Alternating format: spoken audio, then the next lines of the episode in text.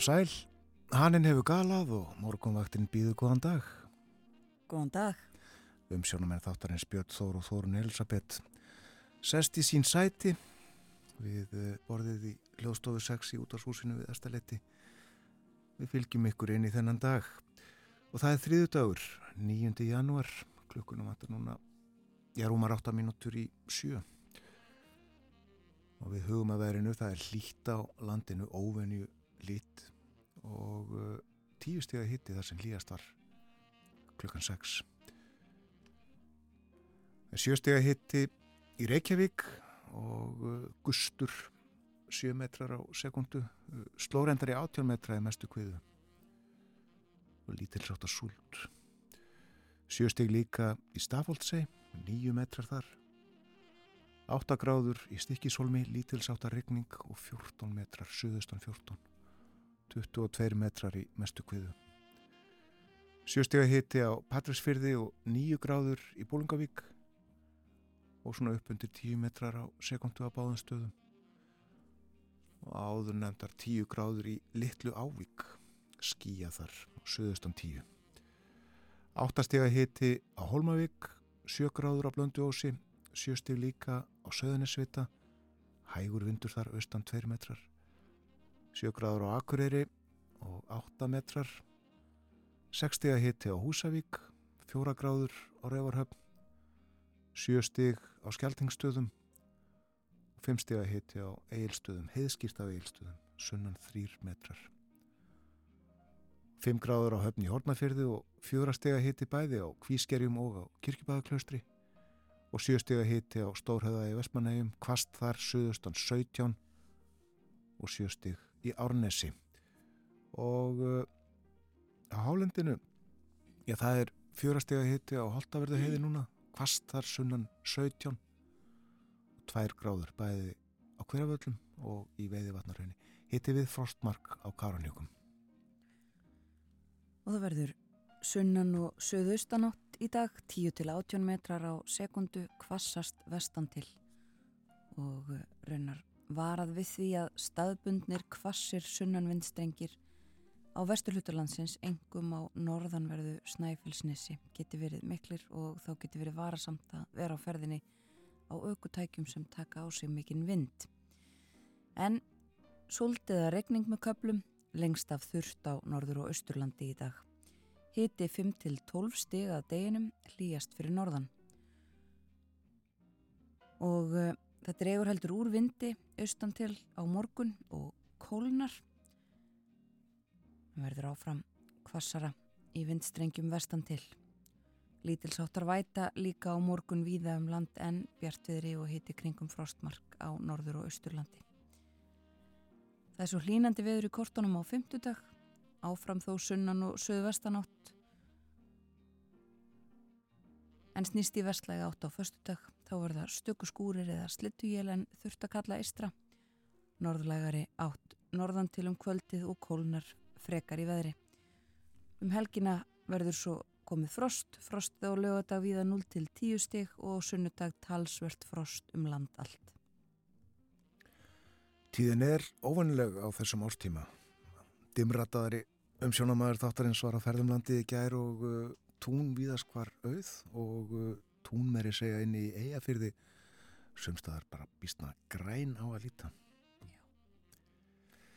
en uh, allir vegir færir og uh, við það bara kjör aðstæður til aðsturs nema þá uh, vegna kvassviðris og vindstrengja sem kunna að skapast hálka á stökuvegi en nokkur hálka á norðausturlutalandsins. Nú nú tal og tónlist á morgumvaktinni í dag og Billie Holiday syngur fyrir okkur fyrsta lag þáttarins þennan morgunin.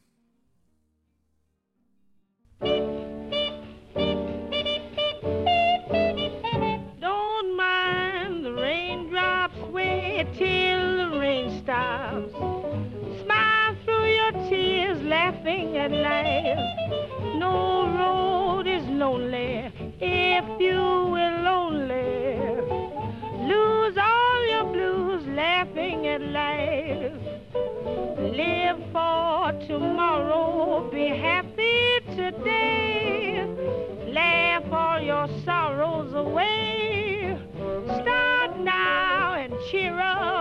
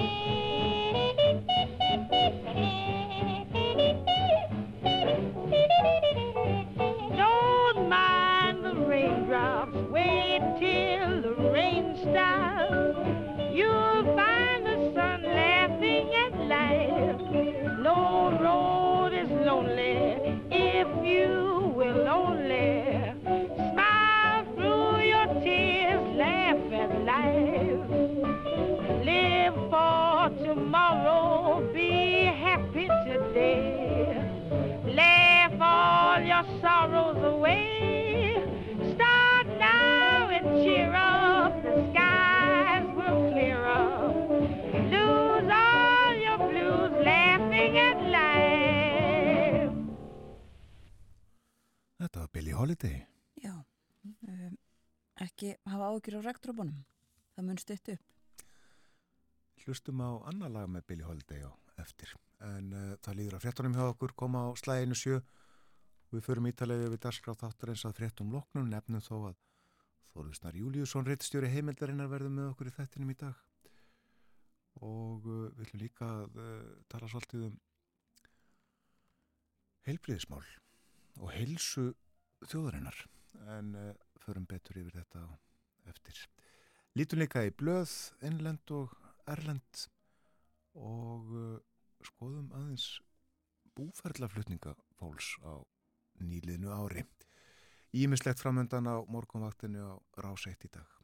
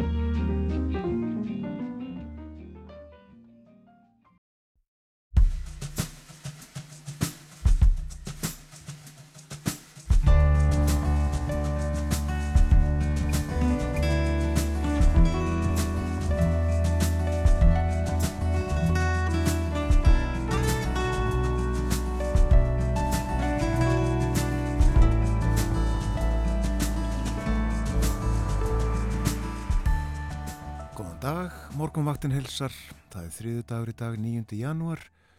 Um sjón með þættinum hafa Björn Þó Sigbjörnsson og Þórun Elisabeth Bóðadóttir. Þóruður Snær Júliusson, rittstjóri heimildarinnar, verður með okkur upp úr klukkan halv átta í spjalli um efnahag og samfélag. Á dagskrá eru auk annars fjármál stjórnmálaflokkana. Allir fá þeir framlögur ríkisjóði, fjárhæðin ræðist af gengi í kostningum en svo hafa sömur flokkar líka aðrar tekjur.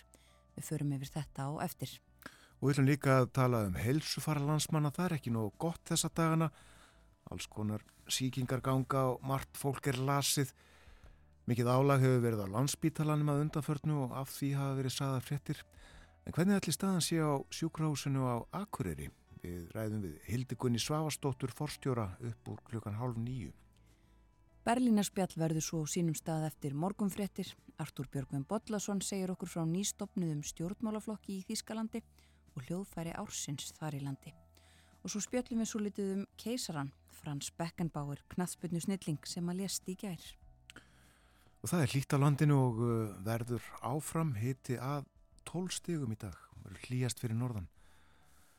Og uh, við uh, skoðum aðeins lengra enn í vikuna þá sjáum við á morgun miðugudag þá uh, verður suðaustlega átt og vindræðin að 18 metrum á sekundu uh, verður kvassast vestan til og uh, hiti að áttastígum bjartviðri og hiti kringum frostmarka á norður og austurlandi. Á femtudag sunnan og suðu vestanátt rigning víða en hægri vindur og þurftum landi norðunstavert og það mun hlína á fymtudaginn en á uh, förstudaginn þá kólnar í veðri. Og uh, á lögadag þá verður norrlæg átt. Dáli til jél á víð og uh, frostið á lögadag að tíu stígum kaldast norð-austalands og uh, á sunnundag vestlæg eða breytileg átt bjartvýri snjókoma vestan til setnipartin og talsvert frostum allt land. Og segja að uh, veðrið verði um helgina og frá með henni svona það sem að kallum á eðlilegt januar viður á Íslandi. En uh, tíðin núna síðustu daga, í dag og næstu daga óvennileg og uh, greið fært um land allt en uh, hálka þó ég reynda nokkuð við á norðausturlutalandsins norðurlandi og, og austurlandi. Annars eru æðimarkir og óinnimarkir vegir grænir í kortinu hjá vegagerðinu á vefnum umferðin.is sem að síni stöðumála. Lítum í blöð og uh, á fórsíðu morgunblæðsins er mynd sem að tekin var í fiskbúð Fúsa í uh, gær. Þjóðlegt fiskmeti á borðum landsmanna í byrjun ás og uh, Fúsi að afgreða fisk, nýjan fisk líklega.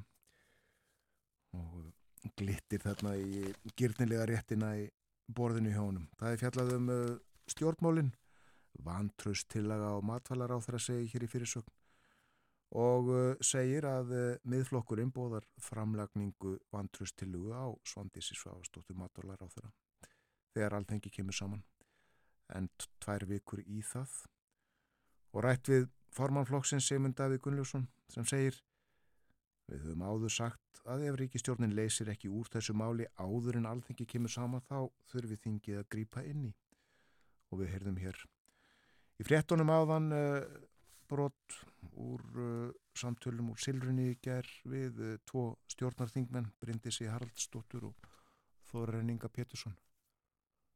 Og já, Bryndis aðeins vonast til þess að ekki kæmi til vandrustilu en uh, það er þriðudagur í dag uh, ríkistjórnin funda vanlega á þriðudagum allir sé ekki ríkistjórnin fundur í dag.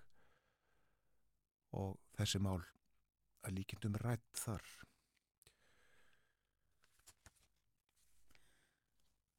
Lítum þá aðeins út í heim. Það er uh, fjallað áfram líkt og í gær um uh, ferðalega Antoni Blinkan þeirra bandaríkjana til með Östurlanda hann er nú komin til Tel Aviv í Ísrael um, og ymsar uh, frettir sagðar af því uh, greining meðal annars á því að bandar ekki menn séu nú og, vilji reyna að koma í veg fyrir að átökin breyðist út, heyrum líka fréttir af því í gerðkvöldi að það var hátsettur Hesbóla maður myrtur í, í Líbanon í gær og eh, bætist við þær árásir sem að talið er að geti haft áhrif á það að, að þessi, þetta stríð breyðist út. Ísraelsmenn hafa líka gefið það út að þeir hafi nú hafið annan fasa eða eitthvað slíkt í stríði sínu gegn Hamas á Gaza. Þeir uh, hafi fækkað hermunum á jörðunniðri og það verði færri loftárásir og uh, aðrar árásir gerðar. En uh, það þýði þú ekki að þeim verði hægt en líka sagt frá nýjum tölum um, sagt að það hafi 33.848 manns uh, verið ímist dreppin eða særst vegna um, vegna uh, loftarossa sprengja eða uh, skotvapna um, á síðasta ári árinu 2023 fleiri óbreyttir borgarar sem sagt sem að létust og þann hátt heldur en nokkuð annað ár í yfir áratug og ástæðan er uh, mikill fjöldi látina á gasa. Þetta er uh, rannsók sem er gerð árlega.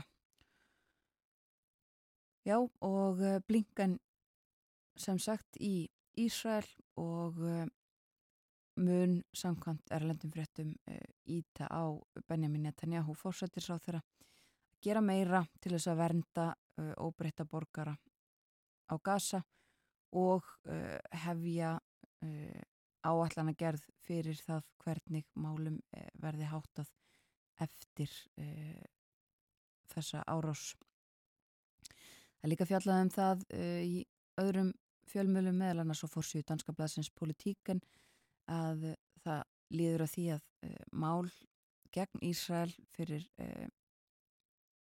domstólum verði tekið fyrir. Eh, það er Suður Afrika sem að fór með e, þessi mál e, fyrir stríðskleipa domstól e, vegna þjóðarmorðs. Ísraelar hafa hafnað þessu en málið tekið fyrir og vekur eðlilega töluverða aðtegli og uh, förum næst til Fraklands það er uh, sagt frá tíðendum í uh, fjölmjölu meðal annars á, á fórsýðum franskra blada en líka miklu víðar Elisabeth Born fórsættisráþura er hægt sem fórsættisráþura Fraklands og þetta gerur hún eftir eins og sagt er í frettum nokkura daga uh, miklar spekulasjónir vangaveltur um það hvort að gerðar verði breytingar á uh, stjórninni, uppstokkun um, og uh, Emmanuel Macron, fórseti Fraklands um, að leita að svona smá byrjiseglin, fá eitthvað eitthvað nýtt og gera breytingar fyrir ekki síst kostningarnar til Evrópuþingsins í sumar og raunar eh, eru líka nefndir til sögunar ólimpíuleikarnir í París í sumar. Hann þakkaði eh, born fyrir eh, framúrskarandi vinnu í þjónustu við eh, fransku þjóðina og eh, born sagði í afsagnar brefi sínu að það væri eh, nöðsynlegra en nokkru sinni að halda áfram endur bótum á fransku kerfi sem að stjórnin hefur unnið að og við fáum líklega fleiri fréttir af þessu og um þessi mál öllsumul. Það er þannig í Fraklandi að fórsetin uh, skipar fórsetisráþarann en getur ekki uh, vísað fórsetisráþarannum uh, úr þeim stóli verða að byggja um afsögn fórsetisráþara.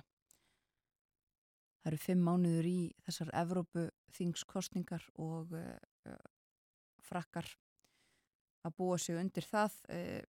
Það er búist við því að, að flokkar og fólk uh, sem hefur miklar evasendir um Evrópusambandið og stöðu þess þeim muni ganga betur en nokkru sinni fyrr. Og aðeins að fleiri fréttum það er fjallaðum þessi málefni flugvélana Boeing uh, 737 MAX 9 held ég að fulla heitið sé. Um, eftir að það losnaði í lofti hluti úr flugvél. Um, og sagt frá því núna að, að tvö flugfélög hafi fundið já, verður það ekki bara lausar skrúur, boltar um, í slíkum vélum. Uh, þessar skoðanir á flugulunum uh, hófust eftir já, þetta atvika á förstu dag í síðustu viku. Bæði uh, Alaska Airlines og United Airlines hafa fundið sem sagt að það þurfti að herða á einhverjum skrúfum, einhverjum boltum og ekki allt eins og það átti að vera. En langar að nefna eina frett líka frá Spáni. Uh, í fyrsta sinn þá hafa Spánverjar, það er að segja í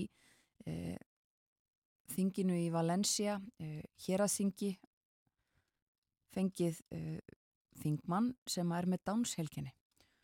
Og þetta eru mikil tímamót. Hún heitir Mar Galserán og eh, hefur verið eh, í stjórnmólum í tölverðan tíma, hún er 45 ára gömul eh, og þetta þekja já mikil tímamót. Komin í, í á, á þingið og sagt að það hafi ekki fundist önnur uh, já, gögn eða, eða dæmi um að uh, manneskja með dánshelginni hafi uh, komist á hérads eða landsþing. Eins og er uh, fyrir fjórum árum þá uh, var kona kjörin í bæjarstjórn í bænum Arras í Fraklandi og á Írlandi hefur líka verið í kjöri til ég veit hreinlega ekki alveg hvaða embættis eða, eða uh, stjórnvalds uh, maður með dánselginni og uh, tölverst fjallaðum þetta, þetta er frett sem að vitnað hér er í á VF Guardian.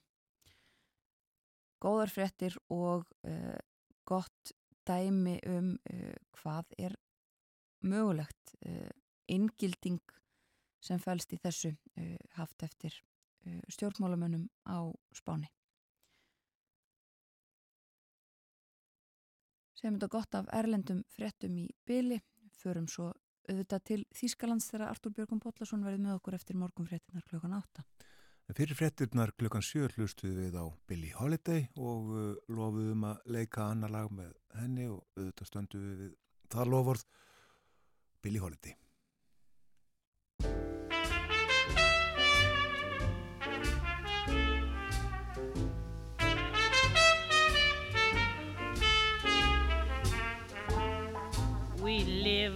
Little drama.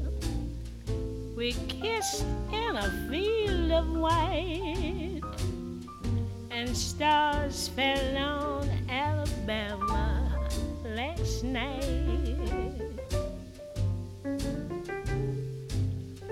I can't forget the glamour.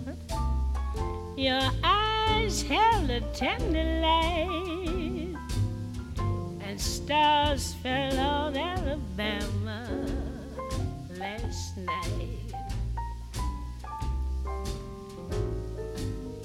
I never planned in my imagination a situation so heavenly, a fairyland where no one else could enter, and in the center, just you and me. My heart beat like a hammer, my arms wound around you tight, and stars fell on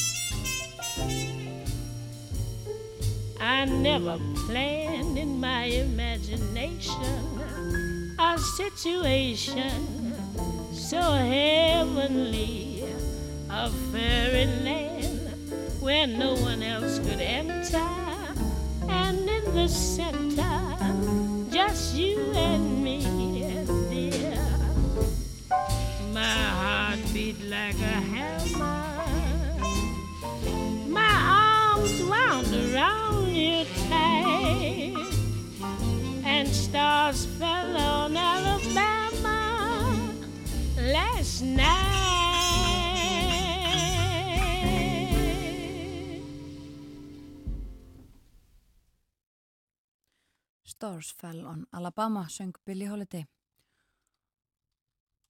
Það komu á dögunum eh, nýjar tölur frá þjóðskrá um íbúa á landinu öllu þann 1. janúar á þessu ári eh, fyrir nokkrum dögum og þeir voru 398.975 talsins. Stittist sem sagt í að eh, íbúar landsins verði 400.000. Flestir búa í Reykjavík, 143.558 manns og á öllu höfuborgarsvæðinu búa ríflega 254.000. Svo skipt niður eftir svæðum og sem fyrir segir flestir á höfuborgarsvæðinu í Reykjavík en fæstir í kjósarreppi, 281 þar. Það eru tæplega 30 33.000 manns á Suðunessjum, lang flestir í Reykjanesbæ, 23.000 rúmlega og fæstir í Vógum, 1500 rúmlega en e, það vekur kannski aðtekli þar e, að íbúum í Grindavík fækkaði uh, frá 1. desember og til 1. janúar en þeim fakkaði um 28 sem að eru með skráða búsetu í Grindavík. Nú á Vesturlandi búa rúmlega 18.000 manns. Þar af 8.200 rúmlega á Akranessi, það er fjölmennasta sveitafélagið helmiki færri í borgarbyggð en fæstir á Vesturlandi búa í Skorradalsrepp 60 manns. Á vestfjörðum eru tæplega 7500, þar af tæplega 4000 í Ísafjörðabæ, fæstir í Árnesreppi og þar raunar fæstir á landinu öllu 53 íbúar í Árnesreppi 1. januar. Engin breyting orðið þar milli mánada en fjölgað um uh, þrjá frá því árið 2022. Það búa litlu fleiri á Norðurlandi vestra heldur en á vestfjörðum 7494 og uh, þar eru flestir í skagafyrði 4400 manns tæplega og fæstir í skagabið 91. Á Norðurlandi eistra búa ríflega 32.000 manns þar af 20.000 á Akureyri. Fæstir uh, búa í Tjörnisreppi 56 þar uh, þremur fleiri heldur en í Árnisreppi. Og á Östurlandi eru 11.500 manns.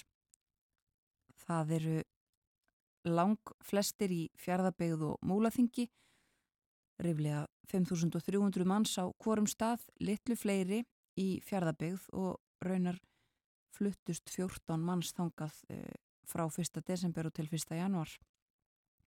Fæstir eru í fljóttstælsreppi 104. Og að lokum, Suðurland, þar búa tæplega 35.500.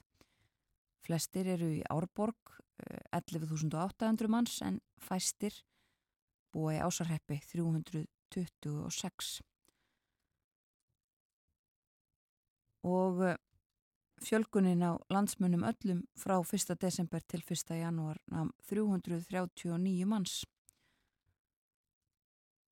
það er mesta fækkunin í prósentum hún er í reikólarheppi 2% fækkun þar á milli mánuða það munar um þá fimm sem að fluttu sig frá Reykjólarreppi í þeim mánuði og eh, en þá meira svona hlutvalslega e, í einmitt fyrirnemdum tjörnisreppi því að þaðan flutti einn og það gerir fækkun upp á 1,8%. Hægt að nálgast þessar tölur yfir fjölda íbú eftir sveitafjölugum uh, á VF þjóðskráfs. Þetta var gefið út uh, fyrir helgina þessar upplýsingar. En sem sagt uh, stutt í að uh, íbúar landsins verði 400.000 vandaði bara uh, rúmlega þúsund manns til þess í upphafi ás. Við förum að hleypa fréttastofunni að, yfirleitt morgunfrétta kemur á slæginu halv åtta. Að því loknu verður með okkur Þorðusnar Júliusson rittstjóri heimildarinnar. Við ætlum meðal annars að ræða um fjármál stjórnmálaflokkana. Flokkarnir fá allir framlög úr uh, ríkisjóði og uh, Þorður hefur farið yfir og greint það hvernig flokkarnir standa. Sumir þeirra hafa haft tekjur af öðru, aðrir ekki uh, og sumir standa vel. Hjá öðrum er staðan verri. Artur Björgum Bodlason verður svo með okkur eftir morgunfréttinar klukkan 8. Hann ætlar að segja okkur frá ymsu meðal annars því sem að Björn Malmqvist kom aðeins inn á í Evrópu spjalli sínu í gær um uh, mikil mótmæli sem að uh, bændur í Þískalandi hafa ráðist í. Þeir fóru á traktorónum út á veginna og hægðu á umferðinni. Artur segir okkur frá því. Á eftir. Og í síðasta luta þáttarins verður Hildegunur Svavastóttir fórstjóri sjúkrahúsins á Akureyri með okkur. Það ætlar að ræðum stöðumála eh, helsu þjóðarinnar og stöðuna á sjúkrahúsinu á Akureyri. Við hefum heyrt töluvert um stöðuna á uh, landspítalanum hér í Reykjavík. En allir staðan sé svipuð fyrir norðan. Fáum svör við því á eftir. Sæl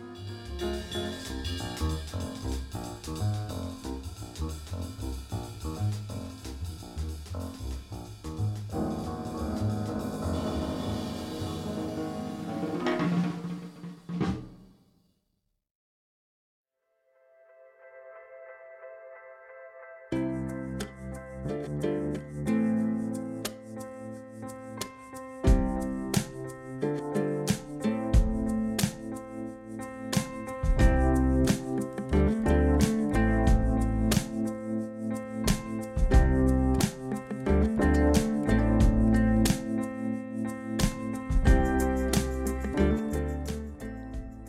þetta er morgunvaktin á rás 1, klukkan réttliðlega hálf nýju, hálf átta, held ég sagt hafa.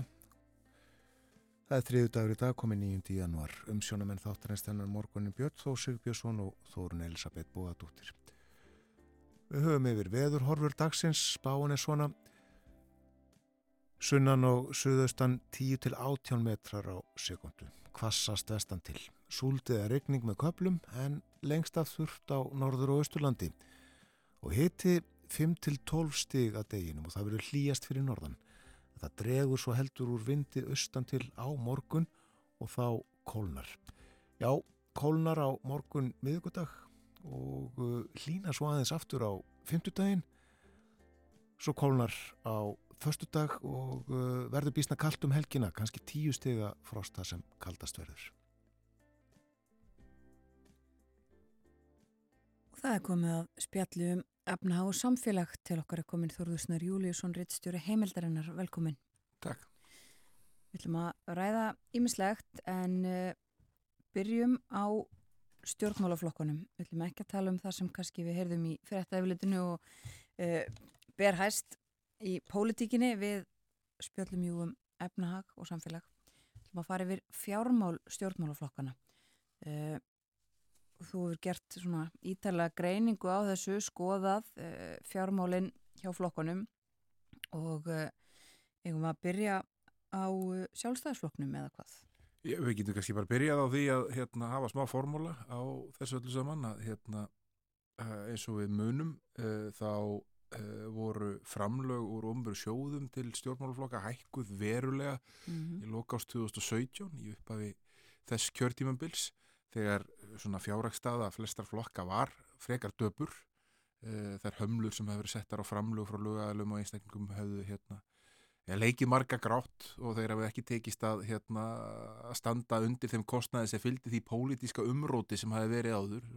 Margar kostningar sem eru mjög kostnaðasamar og svo frammeðis og þá var tekið einfallega svo ákvörun að, að, hérna, að auka framlögin úr ríkisjóðum 127% frá því sem þau voru, rúmlega töfaldagi og núna undarfarin ár hefur krónutalan verið látin standa í stað eh, sem sjóðurnir fá útlutað úr, úr sjóðum, eða ofnbæru sjóðum eða ríkisjóði í 728 miljónum króna fyrir utan þessa tölu fá þeir líka þeir sem eiga kjörna fulltrúa sveitisjóndastígi fjármagn frá sveitafélögum þar sem þeir eiga kjörna fulltrúa og sérstaklega greiðslur vegna þingflokks eh. Þannig að umtalsett magna fjármununum sem fara í rekstu stjórnmálflokka kemur úr ofinberum sjóðum. Uh, og já, svo skulum við kannski demba okkur í þann flokk sem er algjörlega sér á báti þegar kemur að fjármálum uh, stjórnmálflokka sem er sjálfstæðisflokkurinn. Uh, þess að allir flokkarnir skila ásreikningi til ríkisendurskoðuna sem byrti þá síðan ofinberlega og eins og staðan er í dag þá eru allir búnir að skila inn samkvæmt upplýsingu sem ég fekk frá ríkisendurskoðun en þá eftir að byrta ásreikninga bæði pírata og samfylkingar. Þannig að allir aðrir fyrir árið 2022 eru byrtir en ekki þessi tveir. Uh, Sjálfstæðarflokkurinn sker sig úr að mörguleiti. Hann er auðvitað fyrsta lagi stór fjöldarhefing og það hefur verið félagsskjöld og annað slíkt sem hafa flætt inn í flokkin og svo auðvitað hefur hann verið stærsti flokkur landsins í kostningum, já, bara meira og minna nánast alltaf, uh, með örf á undantekningum og uh, svo hefur bæst við á undanfötnum árum að uh, flokkurinn er orðin einhvers konar fastinna þróunafélag. Það er að hann hefur verið að selja eða láta skipulegja reyti í kringum valhöll, höfustöðu sínar uh, og selt byggingarétti á uh, þeim reytum og, og samtals seldi sjálfstæðisflokkurinn á árunum 2021 og 2022 uh, byggingarétt á reytunum í kringum valhöll fyrir 564 miljónir króna og uh, það hefur bara svona gert svipað fyrir sjálfstæðisflokkin og já, ég getur sagt að hlýðarenda hverfið gerði fyrir val í, í, svona íþrótta, eh, ef við notum íþróttalíkinguna, það er að segja þarna eru eitthvað fyrirbæri sem eru aðalega fjármögnuð á, á stjórnmálflokkar og íþróttafjölög sem eru aðalega fjármögnuð úr ofnbjörnum sjóðum og með svona lærri framlögum lögaðal og einstaklinga mm. eh, en svo allt ínu kemur einhver einn sem eh, er með svona aðra leið til þess að búa til gríðarlega mikið fjármagn það eru þetta skilað val því að valur meir og minna Íslandsmeistar í öllum hópiþróttum kalla og gvenna á undanfjöldnum árum. Eh, vegna þess að fjármagnir sem það félag hefur til umráða er umtalsett meira en það sem samkeppnisaðeilar þeirra hafa. Já. og sjálfstæðarsflokkurinn er í þeirri stöðu að hérna, árum 2021 og 2022 þegar á kosið bæði skiptin og sjálfstæðarflokkurinn eru þetta risastóra á sveitastjórnarstíðinu líka með flesta kjörna sveitastjórnarfulltrú að býðu fram allstar þar sem hægt er að bjóða fram. Uh, þá var flokkurinn að hagnast. Uh, og við skulum munna það kostningar eru þetta það sem uh, tekur langmest í veskið hjá stjórnmálflokkum, þá eru þeirra eða peningum til þess að tryggja tilveru sína. Mm -hmm. en sjálfstæðarflokkun hagnaðist um 65 miljónir árunni 2022 þegar voru sveiti stjórnarkostningar og 228 miljónir árið 2021 á sama tíma og allir aðri flokkar voru annarkvæmt reknir í umtalsveru tapi eða högnuðust um e, mjög lágar fjárhæðir þeir sem voru svona með kannski minnstu yfirbygginguna.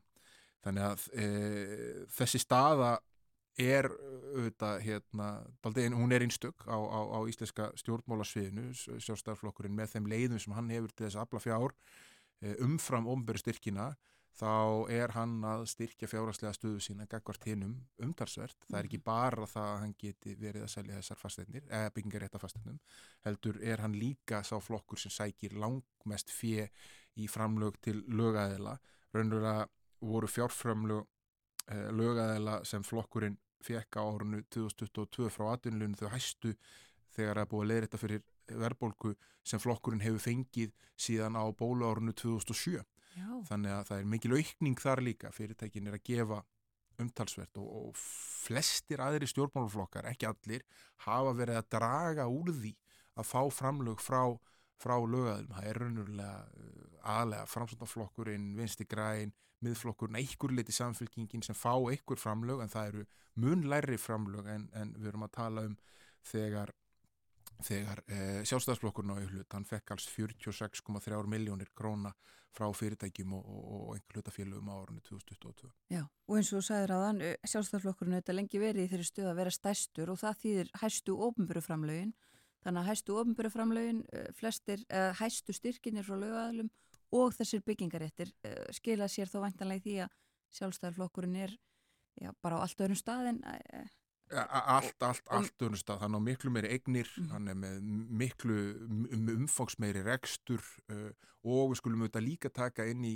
breytuna þarna að framlög og rómumburu sjóður ráðast á því hvernig það gengur í kostningum. Mm. Sjálfstæðarflokkurinn tapaði fylgi í kostningunum 2021 og uh, sveitastjónar uh, fulltrúum hans fækkaði árunni 2022. Þannig að hérna, þetta er alltaf gerast þrátt fyrir það. Uh, en staðan er bara, uh, það er ekki hægt að jafna fjárhagstöðu sjálfstæðisflokksins saman við stöðuna hjá neinum öðrum stjórnmáluflokki. Nei, en já, áður en við kannski segjum skilum við sjálfstæðisflokkin hann á þessar umtalsverðu eignir en væntanlega búin að selja þá byggingareiti sem hægt er að selja eða hvað? Það verður ekki endur tekið? Nei, það er auðvitað þannig, þá selur bara byggingareitin einu sinni en hann á líka eignir sem eru bundnar í til dæmis valhöll sem er umtalsverð verðmæti. Mm. Það er ekki uh, þannig að allir stjórnmáluflokkar eigi húsnæði sem hérna, þeir uh, geta velsett eða, hérna, eða selt ef að illa árar. Þannig, þannig til dæmis að fránsóndaflokkurinn hefur verið að reyna að selja sínar höfustöðar í mjög langan tíma án sérstaklega mikils árangus Já. vegna þess að sáflokkur hefur að ganga í gegnum mjög krefjandi fjármála tímabil. Já, já, ef að færa okkur í framsóknflokkin, já, höfustöðvarnar á hverfiskötu, eða er það ekki, sem hafa verið lengi til sölu? Jú, og framsóknarflokkurinn ólíkt sjálfstæðisflokknum uh, vann mikla kostningasýra 2021 og 2022 sem skiluðu framsókn miklu meira fjö úr ofnberu sjóðum en flokkurinn hafði uh, verið að fá áður. Hann hérna, bætti við sér fimm þingmönum í þingkostningunum 2021 og 23 sveitasjóðna fulltrúum í kostningunum ári síðar. Eh, kannanir síðan þá hafa nú kannski ekki verið floknum sérstaklega hliðollar en, en það skiptir ekki máli. Það er það sem kemur upp úr kjörgósunum sem skiptir máli þegar kemur á því hvað þú færð mikið úr ofnbjörnum sjóðum.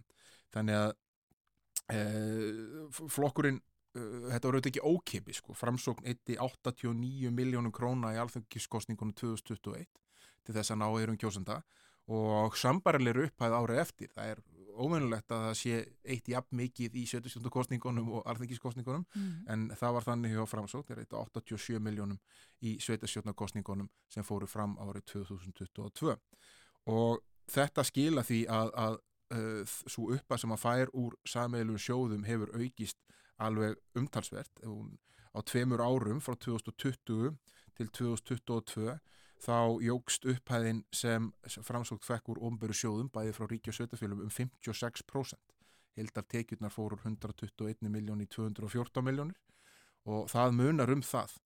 Eh, flokkurinn er samt sem áður í svona kannski daldi flókin í stöðu, hún er viðkvæm, eh, framsókt tapaði peningum 2022, 3 miljónum og 28 miljónum 2021 og hefur verið svona Eh, skuldsettur, endur fjármagnaði lánsín hjá banka fyrir ekkert svo mörgum árum og hefur verið að vinna úr þeirri stöðu og þessi hækkuðu fjárlög, framlög úr, úr umbyrju sjóðum hafi þetta hjálpað til með það mm -hmm. og svo ég tala nú ekki um betri árangur í kostningum sem skilar herri framlögum. Já, ég var að uh, klára bara ríkistjórnaflokkana áður en við förum annað, uh, Vinstri Græn. Vinstri Græn töpuðu 90 miljónum árunum 2021 og 2022. Já uh, framlög til flokks fósættisraðarans úr ríkisjóði dróðust umtalsvert saman á milli árana 21 og 22 ástæðan er augljós.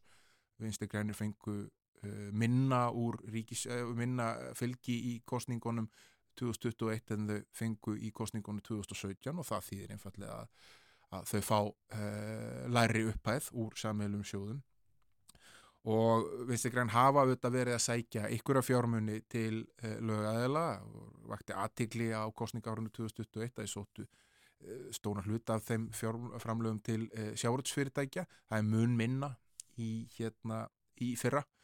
Vekkur aðtikli að meðal hans fyrirtæki svo kvalur sem gaf þeim 2021 var ekki að gefa þeim 2022 svo les bara fólk það sem það vil í það en tapið í árinu 2022 var 31,2 miljónu króna og bætist við 58,4 miljónu króna tap árinu 2021 uh, og tekjurnar auðvitað að dragast uh, verulega saman mm. þannig að hérna uh, þetta er svona bara uh, kannski má segja eitthvað sem er ekkit óeðlilegt þegar hérna flokkur er í þessari stöðu er að reyna að halda sér uh, í áhrifastöðu og eðir tölvurum fjármunum í kostningar og skila tapi á kostningaárunum og byggja sér upp á milli þeirra. Mm -hmm. uh, þannig að þú sérð hver munurinn er á þessari stöðu til dæmis annarsvegar og, og því sem sjálfstæðisflokkurinn er, er með uh, um þessar mundir. Já.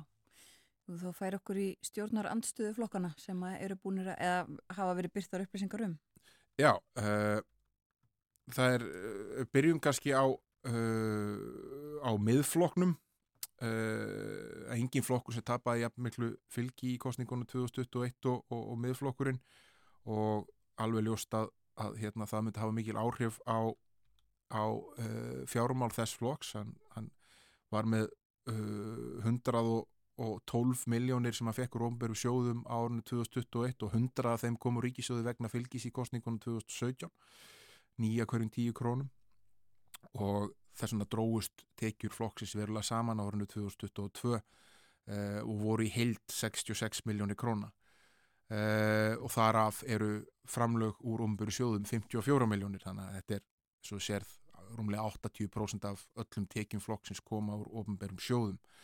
Uh, en hann hefur eins og verið að fá meira frá öðrum eftir þetta tap sem hann var fyrir í kostningunum 2021 að lögæðilar hafi verið að gefa flokknum uh, meira fjármagn árunni 2022 en þið gerðu 21 og 85% af þeim eh, 6,8 miljónum sem miðflokkurum fekk árunni 2022 frá fyrirtækjum komu frá sjáuröldsfyrirtækjum uh, og miðflokkurinn hefur líka bara verið aldrei sniður sko. hann hérna notaði, hann er með litla yfirbyggingu notaði þau miklu framlög sem hann fekk á, á kjörtímbilinu 2017-2021 til þess að kaupa sem er hans fastegn sem er metin á uh, 79 miljónu króna í bókum flokksins uh, hérna í lokást 2022 og hann átti um 83 miljónir í órástafað eigifið í lok þess ás þannig að það eru þetta uh, ef þú ert svona sniður með litla yfirbyggingu, litla einhvern veginn svona skrifstofu starfsemi þá geta þessi framlög 728 miljón krónar framlög sem skiptast á flokka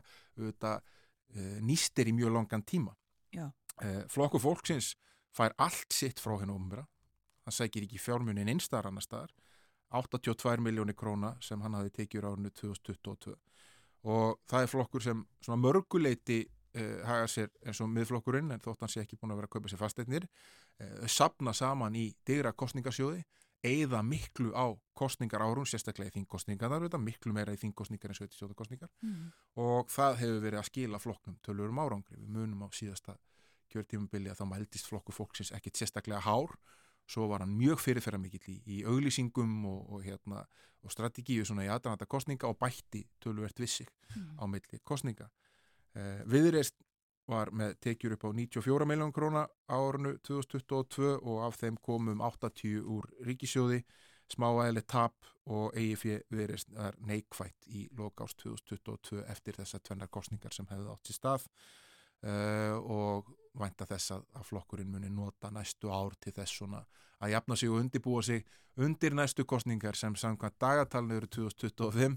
en við skulum sko sannlega aldrei segja aldrei í þeim málum og eins og ég sagði á hann, þá er bæði samfélkingin og píratar ekki búin að byrta sína ásreitninga, það er ekki búið að byrta þá fyrir 2022, Nei. það er búið að skila þeim inn uh, þannig að uh, það verður bara að fara yfir þá þegar þeir berast. Við gerum það og fölgjumst með því. Uh, en við ætlum að tala líka aðeins um skýrslu sem við rættum hér á morguvaktinni uh, á förstu daginn síðastliðin og, og, og þið voru líka með umfyllunum í, í heimildinni.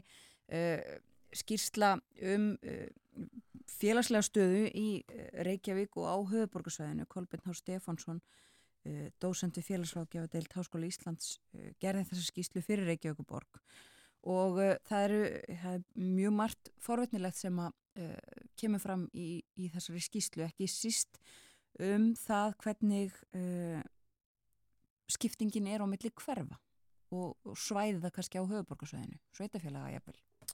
E, já, það er svona ge gerður e, greinamunur á milli e, hérna hverfa, skóla hverfa hérna Reykjavík og það kemur til dæmis mjög ljós, mjög ljós að, að það er betri staða í fórsóinum en er í, í breyðholtinu stórun hluta breyðholtinu og það er líka á milli sveitafélaga hérna, meiri mæla, mælanleg fátækt eða svona hérna slök staða, einangrun láttekki fólks uh, er meiri í, hérna, í Reykjavík en til dæmis í Garðabæi og Seltjarnesi þetta auðvitað kannski kemur ekkit rosalega mikið óvart. Þetta blasir auðvitað við og er hluta af því hvernig sveitafélög eru rekin. Uh, Reykjavík sem höfuborg hefur tekið á sig umfram skildur til þess að sinna félagsleiri þjónustu sem mörg sveita, nágrann sveitafélögin hafa ekki verið að axla og stundum verið gaggrín tölvert að því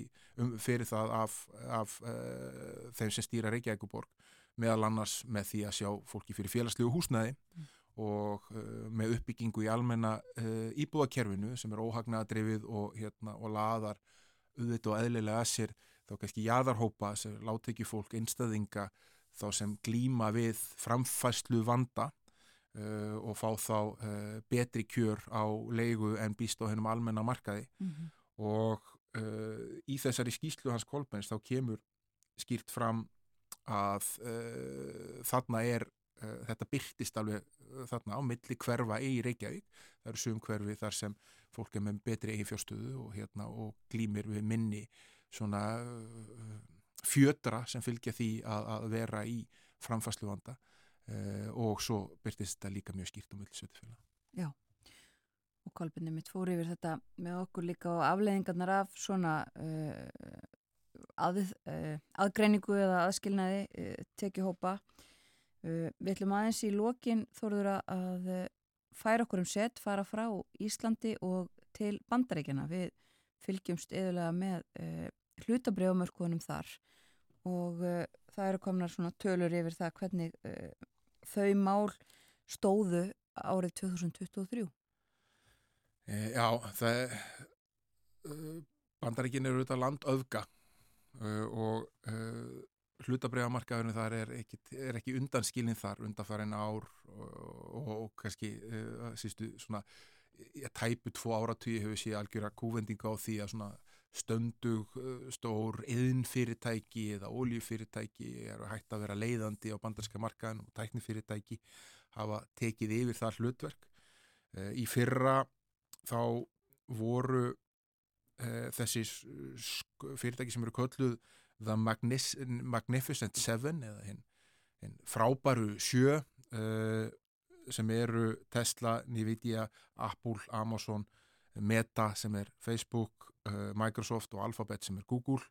Uh, þau hlutabref þeirra hækkuðu á milli 50 og 250% á árunni 2023. Uh, hinn 493 félögin sem mynda standard og sagt 500 vístöluna, e, þar var e, þróunin heila bara flött og jafnvel neikvæð í mörgum tilfellum. Þannig að e, þarna eru að sjá þessi sjö raunverulega draga vagnin e, fyrir alla hinna.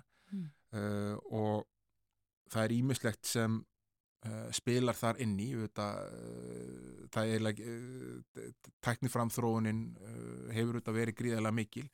Uh, trúin á gerfigreind sem snertir mörg þessara félaga hefur hérna, spilað þarna líka mikið inn í og hvað gerfigreind uh, og þróun hennar muni skila í nánustu framtíð. Uh, en það vekur líka aðtikli ef maður sleppur því að horfa á þessu að sjá hvað öll hinn félögin sem er að gera auðvitað alls konar. Mm -hmm. eh, hvað þau voru flötur alveg fram á loka vikur ásins þegar það komi fram væntingar um það að vextir gætu farið að lækka.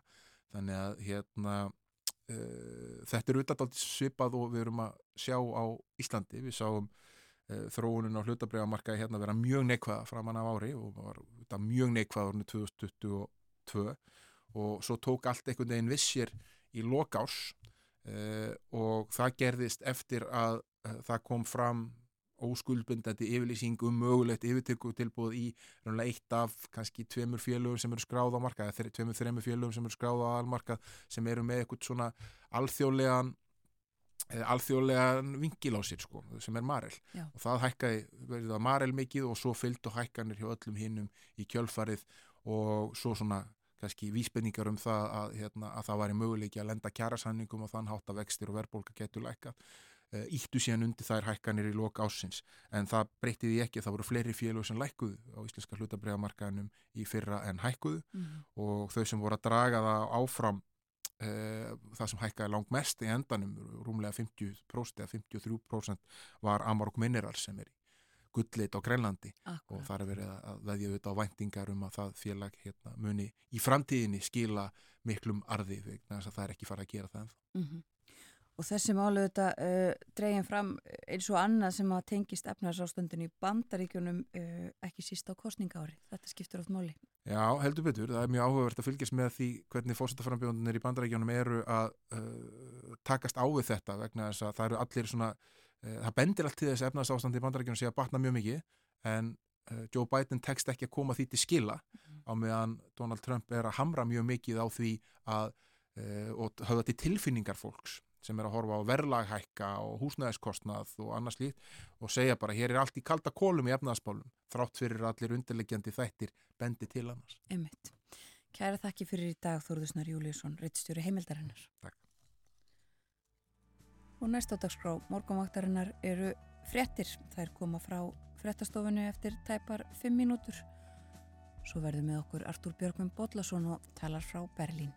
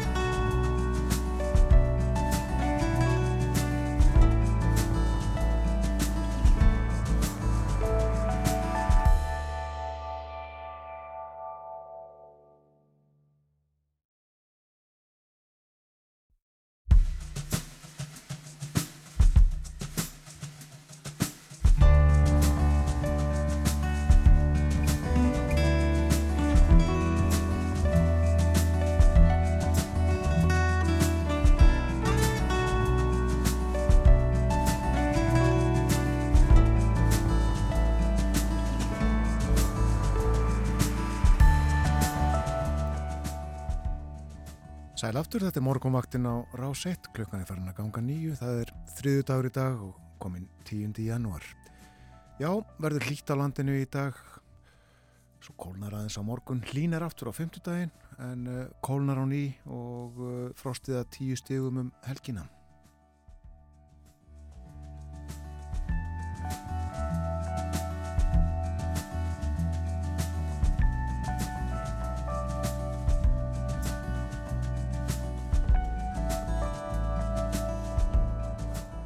Ég minna á að hér upp úr hálf nýju verður í símanum hjá okkur Hildigunnur Svavastóttir. Hún er fórstjóri sjúkrahásins á Akureyri.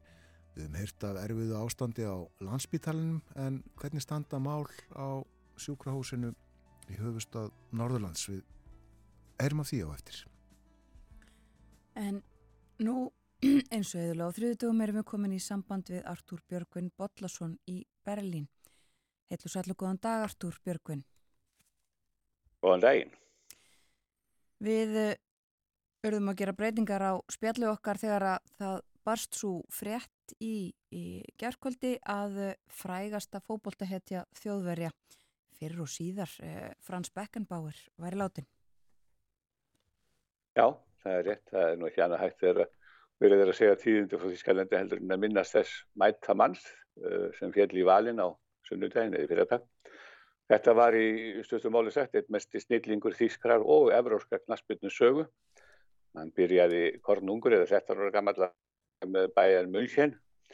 Uh, hann fættist í Gísing í München sem er eitt af útkverfunum þar og, og hann uh, leik rúmlega, Beckenbauer leik rúmlega 100 fyrir þjóðverja á árunum 1965-77 og uh, hann var letið þjóðverja til sigur og var aðal kempan í í heimsmeistaraliðinu þeirra 1974 þegar það verið heimsmeistartitilin og, og svo stýrið hann þýska landsliðinu setna sem þjálfari og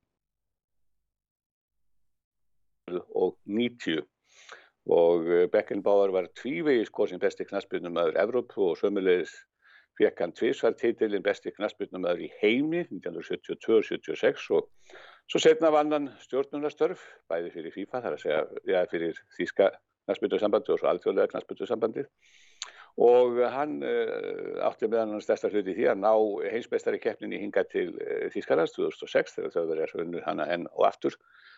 En svo komu nú, uh, komu nú blíkur á loft í hans lífi þegar kom upp alls konar leðinda máli sambandi við peningamillifærslur á vegum alþjóða knastbyrjusambandsins sérstaklega þegar koma því að bæði þegar koma því að sækja þessa keppni hingað árið 2006 og svo meðlegis þegar hún var haldin í Katar setna komið svona upp eitthvað döluföld mál sem aldrei voru fullkomlega upplýst og hann var þá í, í fremstu röð og í aðstu stjórn uh, alþjóða knarpjusum samansins og lendi í þessum leiðindum öllum saman. En uh, menn muna hann nú hér samt sem aður ekki fyrir það heldur uh, voru fjölmiðlandi hér alveg yfir fullir í gerðkvöldi af þáttum og efni um hann og greinar í blöðunum í dag náttúrulega og það er svolítið merkilegt að þessi mikla kempa, hann þótti náttúrulega einn alls nefnasti knaspinum að bara fyrr og síðar, maður mann eftir því þegar maður fylgdi svolítið með þessu árum áður að það var einhverlega fyrir það hvað hann var óbáslega leikinn með boltan og hvað hann var léttur, hann þótti afskaplega svona léttur og, og semtilegur og hann, má segja, hann, hann eh, gerði svona menn sem að þér kannski muna og þekka að hann var alltaf miðvörður, uh, nummer 5 eða, eða hérna Já, sem við kallum miðvörður, en samt sem aður tók hann fulla þátt í sóknarleiknum, svona aðeins smá, smá móli fyrir mestbyrjum áhuga menn og hann í rauninni var svona fyrsti miðvörðurinn sem að gerði sóknarleikmaður og, og, og raundi það bröð fyrir ímsa sem tóku það upp setna og uh, Central Half hétti þetta í galanda en nú heitir það miðvörður og góði íslensku, en uh, afskaplega merkilegur uh, íþróttamæður og stórbrotting knastbyrjumæður svo ekki sem er að sagt. Og hann sem einst með ymsum hætti er það ekki í þýskum fjölmjölum? Jú, jú, jú, það er, til, það er svolítið merkilegt að það var búið að setja á dagskara fyrir löngu síðan, fyrir mörgum, mörgum vikum.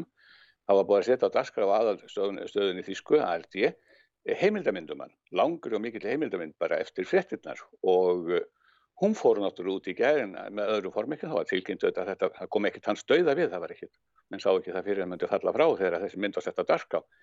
En þar vitnuðu ímsur um hann og þar á meðal Joska Fischer fyrirverandi utryggisagari Þískaland sem að var mjög skemmtilegur í þessari mynd og þar kom Volkan Schäuble líka fyrir verðandi fórsitt í Þíska Þingsins fram sem dó núna fyrir skömmu. Og uh, líka hérna Otto Schiele fyrir verðandi innaríkisar þeirra og þeir luka allir upp einur um það að, að annar eins knasputnum maður hefði aldrei sérst á þýskum leikvelli fyrir eða síðar. Og þetta var svona skemmtileg tilvílin eða fyrðuleg tilvílin að þetta skildi ákvæmt lenda sama kvöldið eða daginn eftir að hann dópeistarlega á Darká og vera komið á Darká áður. Já, Já uh, Beckenbauer uh, í uh, hópi þryggja manna sem orðið hafa heimsmeistrar bæði sem leikmenn og þjálfarar fyrstur til þess að vinna það afreg var Mario Zagallo, brasiljumæður sem að lést í síðustu viku. Og þriði, þriði, já, þriði í þessum hópi er svo Dítið Duchamp sem er núna ennþá þjálfari Fraklands og það má segja að Beckenbauer var hér algjörð þjóð hétti, hann var svona íkón eins og sagt að það var átrúlega góð heilu kynnslóðana og líka fyrir það þetta var svo skemmtilegur og þægilegur maður. Það var eitt sem allir tóku fram sem að myndust hans í gær. Hann let heimsfræðina aldrei stíga þetta höfus, hann var alltaf sami bæviski guttin og hann aðeins verið þegar hann byrjaði mm. fótboltan 13 ára gammalli í, í bæjanmöli hér Já, en uh, Þá skulum við snú okkur á öðru. Við myndumst á það stuttlega hér í, í spjallu við Björn Malmqvist í gær frá Brussel að uh, það væru bóðuð mikil mótmæli í Þískalandi og það gekk aldeilis eftir. Uh, það eru bændur sem að mótmæla er það ekki? Jú, það er aldeilis hægt að segja það. Það hefur verið viða mikil mótmæli hér í gær og uh, það eru þíski bændur sem að uh, reysu upp og þeir hafa verið að mótmæli hér um allt Þískaland. Uh, það var, voru frettir af því frá öllu Þískalandi í gær að það verið þúsindir dráttarvela á vegunum og þegar, það var lokað fjölda aðfara leiða að hraðbröðunum þannig að fólk komst ekki leiða sér á milli borga á bílum vel að merkja lestir og fórum náttúrulega á milli staða eitthvað eins og fara gerir en talandur lestir þá náttúrulega má segja að þetta sé svakaleg, uh, svakalega vond umferðarvika hér í Þískalandi vegna þess að morgun byrjar jafnbröðar verkfall uh, ofan í allt annað Já. og stendur í þrjá daga með ykkur til 100 og fyrstu dag þannig að uh, ef að bændunni verða ennþá að þvælast með, með traktorina sína á vegunum þá sem að virðist vera þá verður nú ekki hægt að, þá verður nú ekki með greiðfættu Þískaland svo vallega sér tekið til orða en þeir sem satt allu uh, miklu öngsveiti víða meðan hann er sett í Bellin og það var mikið sveita stemning hérna nefnum borgarlífi í gerð og voru mörg hundru dráttarvelar konar þangar kvöldið áður og og hlutið það var, miðborgin var alveg undurlega að reysa stórum draftavilum og ég átti nú leið fyrir utan þetta svæði með, með, með leigubíl uh, setnipartin í gerð og, og hann talaði um að það hefði verið rosalegt ástand í bænum að keira þar í gerð þar að fólk komst ekki á bílun einstæðar í námandöðum í bæn og þetta var allir náttúrulega tölverðu leiðundum en, en uh, og margir voru ósáttir eins og venjan er þegar svona ræði gerist. En mótmæla Uh, rétturinn er sterkur hér í Þískalandi og þeir sem voru í forsvari fyrir þessu, þeir sögðu sem svo að það er hann sem að gildir þessum tilvikum og meðan eftir fer allt úr böndunum og, og þetta er náttúrulega ástæðanir þessi deila sem hefur skapast eftir að, eða deila sem kom upp eftir að stjórnvöld ákvaðu að reyna að stoppa í fjárlægagatið sem myndaðist eftir dóma hæstarættar á dögunum með því að, að taka ákveðin nýðugreislur af bændum sem að sem allir gríðarlegu í Rafári og það var hérna fyrir viku þá, þá komu bændur hingað og, og mótmæltu með dráttavélunum sínum og uh, stjórnin brast henni þannig við að hún tók uh, þessar, uh, þessar á, ákvarðinir eða endurskoðaður og, og tók þessar ákvarðinir að mestuleiti tilbaka nema hvað að það á að, að, að, að leggja á vissan skatt eða svona á næstu þremur á, eða það er að segja afnema viss fríðindi sem verið að haft á næstu þemur árum. En þetta var ekki nóg fyrir bændurna, þeir hérna eh, sögðu neini, við viljum fá allt í burtu sem þarna var ákveð og engan drátt og engan frest á einu eða neinu og eh, það eru margir sem halda þess að bændur séu nú svo sem ekkit verðsettir fyrir Þískalandi heldur en margar aðra stjættir en þeir hafa líka fengið mikla samúð og uh, það er í rauninni þannig sko að þessi gríðarlegu mótmæli, það voru þúsundir dráttarvela í öllum borgum og bæjum Þískarlands bara í gæð sko, og, eh, og teftu þar umferð. Og uh, það eru margir sem að segja sem svo að, að þeir hafi síðan lang þreyttir af því að landbúnaðurinn hafi verið svolítið út undan. Nú það er kannski hefur eitthvað að segja að þeir hafi verið gaggrindir svolítið fyrir að, að pesta, pesta loftið og hérna og valda umhverfis svona miður, hafa, þeirra starf hafi miður góð áhrif á umhverfi. Náttúrulega bara þegar við tökum þessar dráttarvélar sem voru hér að ferni í gær, þá eigða það náttúrulega á þessu ferðalögum mörg hundruð uh, lítrum eða ekki þúsundum eða mörg þúsund lítrum af, af, af olju sem að fyrir út í, í, í andrúrslóftið mm. og allt af því sem þeir eru að gera náttúrulega kostar kostar mikið útblástur sem er ekki beinins, beinins um, þjónganlegur umhverfis sinnum.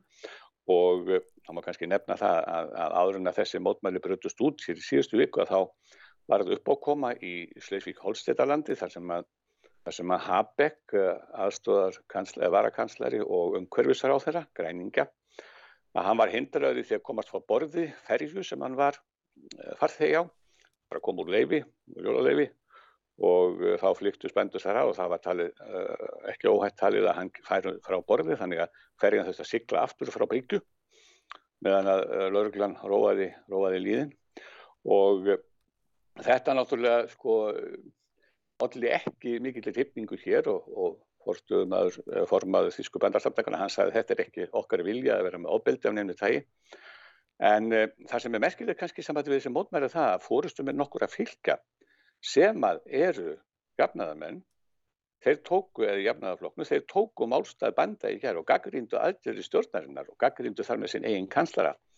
Og þar á meðal uh, tvær konur, uh, fórustu fórsettisáðarar Sarlands og, og Mecklenburg-Fópamenn og það er mjög óverulegt að, að fórsettisáður fylgjana gagnir sin eigin kanslar og þeir letu svo bóðu ganga að, að, þessi, að sko, þetta væri ekki forsvaralegt að vera að stjærða þessi fríðindi benda því þeir eru að nógu slemt samt og, og sjálfslétt samt sem áður heyra til sín í gerð og sagði við tökum þetta ekki tilbaka og hann ætlar að sína einhverja hörku sem að menn eru nú ekki alveg sammálum að sé rétt á þessu, þessu augnablíki en En svo er það annað sem að vera nefni þessu samandi og það og það til er í sjálfsagt, eða kemur við sögu þarna þegar Habeck eh, var að kanslari var hindraður í að ganga frá borði eftir fríið sitt og ferjunni þannig að, eh, að svona auðgafillir hærahópar svo sem AFD og fleiri, þeir hafa nýtt þessi mótmæli, það er alveg ljóst og þeir hafa verið að posta á samfélagsmiðlum kvartningar til sinna, kvartningu til sinna manna að mæta og vera með uppistand og þetta eru þessi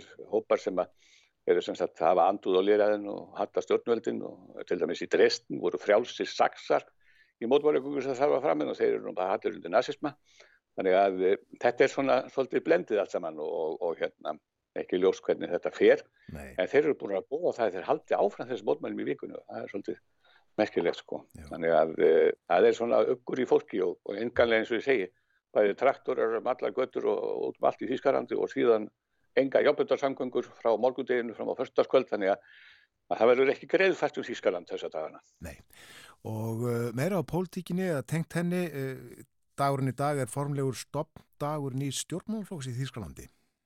Jó, hann var stopnaður í gær. Það var ekki? Uh, það, það var í gær, það var bundnis Sara Vagnknitt, það er Sara Vagnknitt fyrir um stórstjarnar uh, vinstrisins sem að uh, skröf sig frá sínum flokkjastum tíma og stopnaði þennan flokk í gær Og þetta er flokkur sem að gæti tölvöld breytt, tölvöld miklu í þýskri politík eh, ef að, framheldur sem það er að segja, ef að, ef að hann nýtur jafn mikill að hilli í kostningum eins og kannanir hafa bent til engum í Östu-Þýskalandi. Þar hafa mælinga sínt, eða kannanir sínt að allt upp í 40-100 Östu-Þýska kjósenda myndu vera til í að kjósa hana flokk og, og hann er náttúrulega, þetta er svona blendingur úr vinstri og hægri stefnu, hann er svolítið svona, hann er svipaða politík í innflytendamálum og og, og afstöðninga á Rúslandi eins og AFD, þar að segja hætta með viðskiptabann á rúsa og, og stemma stígu við, uh, við hérna, flótamanna sömlum hinga til Þýskarhans. Ég má nefna sem sagt að í fyrra þá tvöfaldar fjöldi hælisleitenda á milli ára hér í Þýskarlandi og þetta eru mál sem AFD hefur haft á sínu könnu og svo er hann alltaf á móti svona í velferðarmálum, þá er hann með skýra vinstistefnu þannig að ef að framheldur sem horfir, ef að, ef að jafnar ekki kjósendur uh, kjósa flokkin eins og geta, eins og segja í skoðanakonum, þá geta hann breytt landsleginu, það er kosið í þrennum fylgjum, þremur fylgjum í Östu-Þískarlandi á í höst og þar er þar að vagn kneitt með vinsal, þannig að þetta getur störfverða breytingar sem þessi flokkur hefur í förmessi við fylgjast að sjálfsögðu með því, sko, því þetta er spennandi mál. Já, mögulega verða þarna til uh, nýtt afl í þýskum stjórnmálum. Já, kemur í ljós í júni þá eru kostið til Evrópusþingsins og þá býður þessi flokkur í fyrsta sinn fram og það verður svona mælist ykka á það hvernig honum gengur í Östuðískanandi. Við ljúkum spjalli okkar í dag, Artur Björgvin, á því að tala um hljóðfæri. Já, það er aldrei skemmtilegu siður sem var tekin upp hér ára 2018 að tónlistarfrömmuður fylgjana taka sér saman, setjast niður á hverju ári og velja hljóðfæri ársins. Já. Þetta er eitthvað sem Íslandinga getur svona tekið eftir þeim. Og uh, þá er það hljóðfæri sem er valið, það er í brennidepli það árið. Og eh, svona sérstaklega fylgst með því og sérstaklega því sérstaklega hampaði á tónleikum og, og svo framvegis. Og það er eh, túpan sem er núna hljóðfæri ásins hér í Þískalandi og það er aldrei merkilegt að fyrsta túpan hún var búið hér í Þískalandi til árið 1835 og, og alveg til ásins 1925 hérna eitt lítið fyrir jazzgegjara þá var túpan notuð sem bassi í jazzböndum og það er ekki fyrir kontrabassi leysirinn af hólmi sem að hún hverfur sem líka en ásins sem sagt merkilega sögu. Og vinsall hljóðfæri margir sem leika á túpu í Þískalandi Já, ekki mjög margir. Þetta er svona, ekki að segja þetta sé minnuluta hljóðfæri, vegna þess að það er frekar fáir sem spila á þetta hljóðfæri, en enga síður og það hefur verið að lifta því einmitt með þessu og kannski fjölgar úr túpuleikurum eftir að túpan hefur verið hljóðfæri ásins í eitt ár. Já, eða hlusta svolítið á túpuleik? Endilega og kannski bara jazzútgáfu, jazztúpu með, með Andri Bíkov, það er rústenskur túpuspillari sem að þykir skara fram úr og vera fremstu með að jafninga á þessu viði. Hlustum. Kæra þakki fyrir að vera með okkur á morgunvaktin í dag. Takk sem við leiðis. Artur Björgum Bóðlason í Berlin. Og uh, þá komum við á túpunni, hlustum á túpuleik.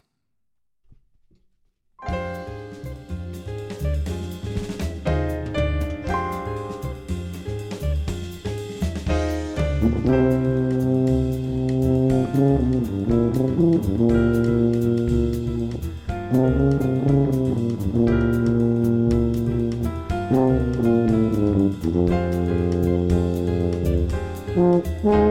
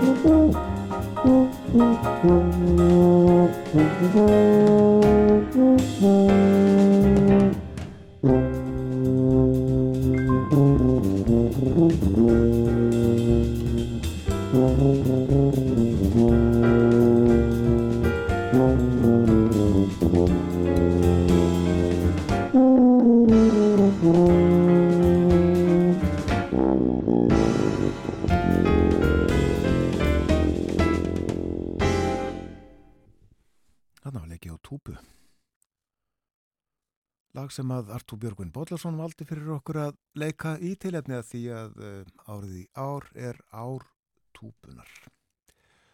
Og uh, þess má geta að uh, það eru tveir túpuleikarar hjá Sinfoni Hljóset Íslands Nimur og Ron sem er í leifi sig á heimasíðu sveitarinnar og Tom Jaron Majesson. Og þetta var rúsneski túpuleikarin um, Andrei Bíkov sem þarna leka á túbuna við heyrðum í. Við förum að hleypa fréttastofunni að með yfirleitt morgun frétta. Það kemur á slæginu hálf nýju og uh, svo ætlum við að fara við næstum stöðumála á sjúgrósun á Akureyri.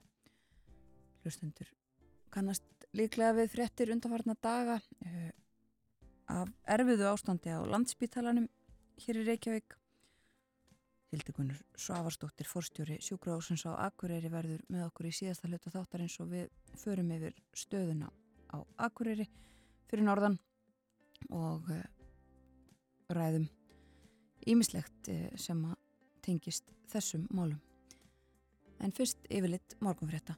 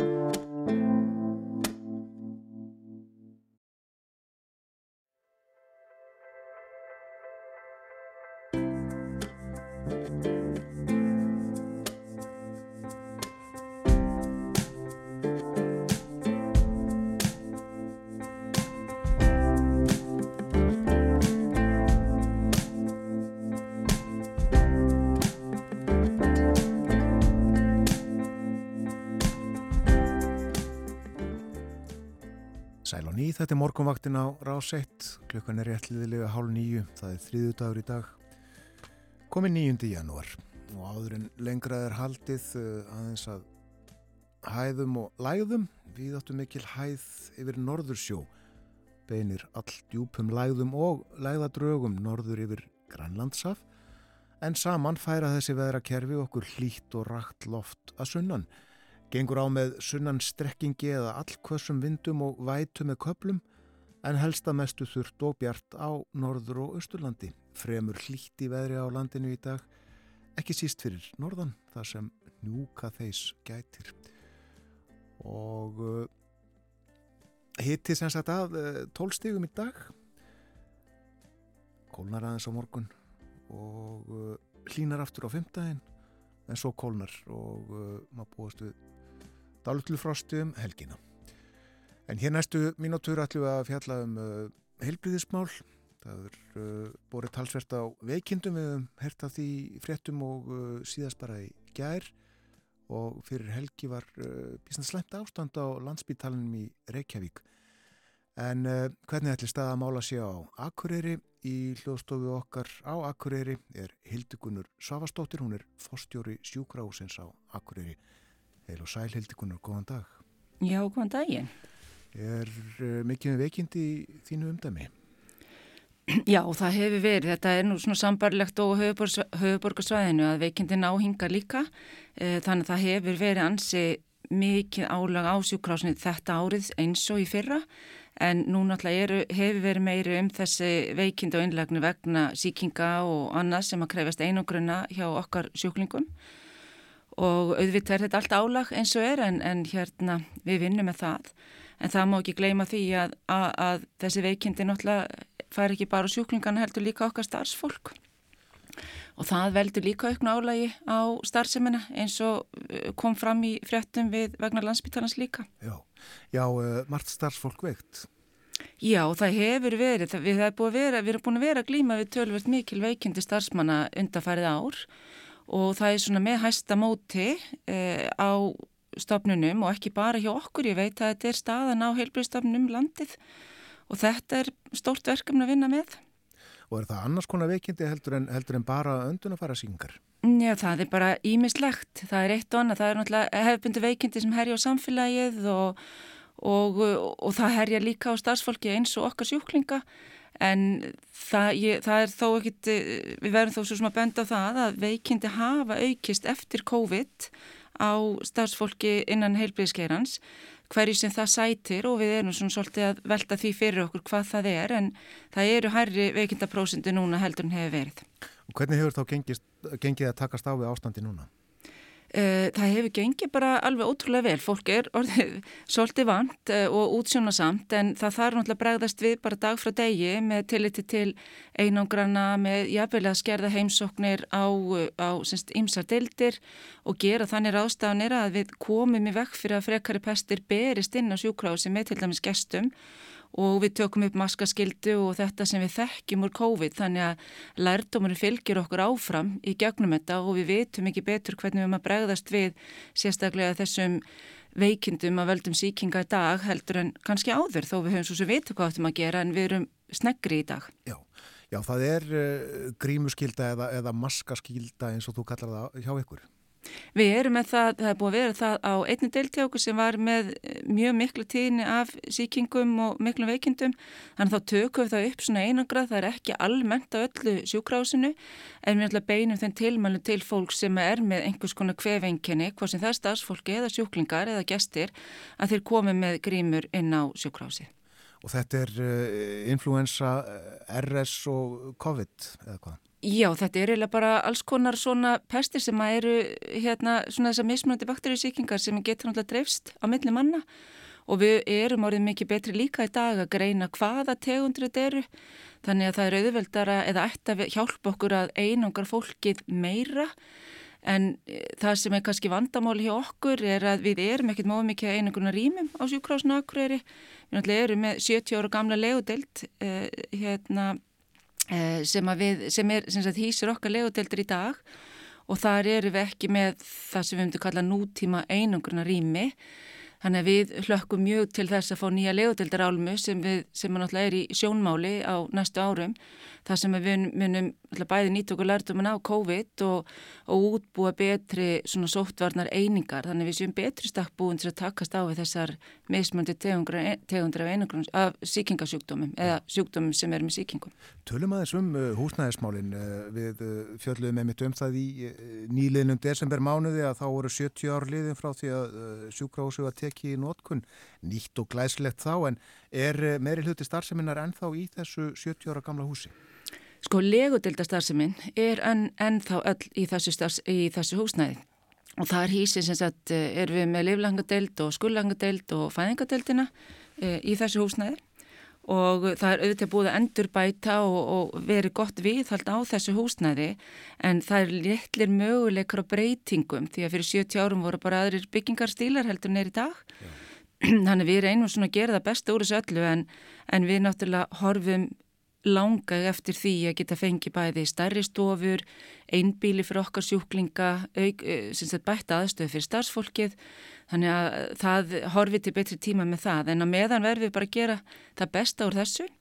En, en eins og ég segja, alla legodeildirnar okkar eru þarna eða flestar, gæðdeildin hjá okkur er í er og er búin að vera í bráðabörðu húsnaði í um 35 ár.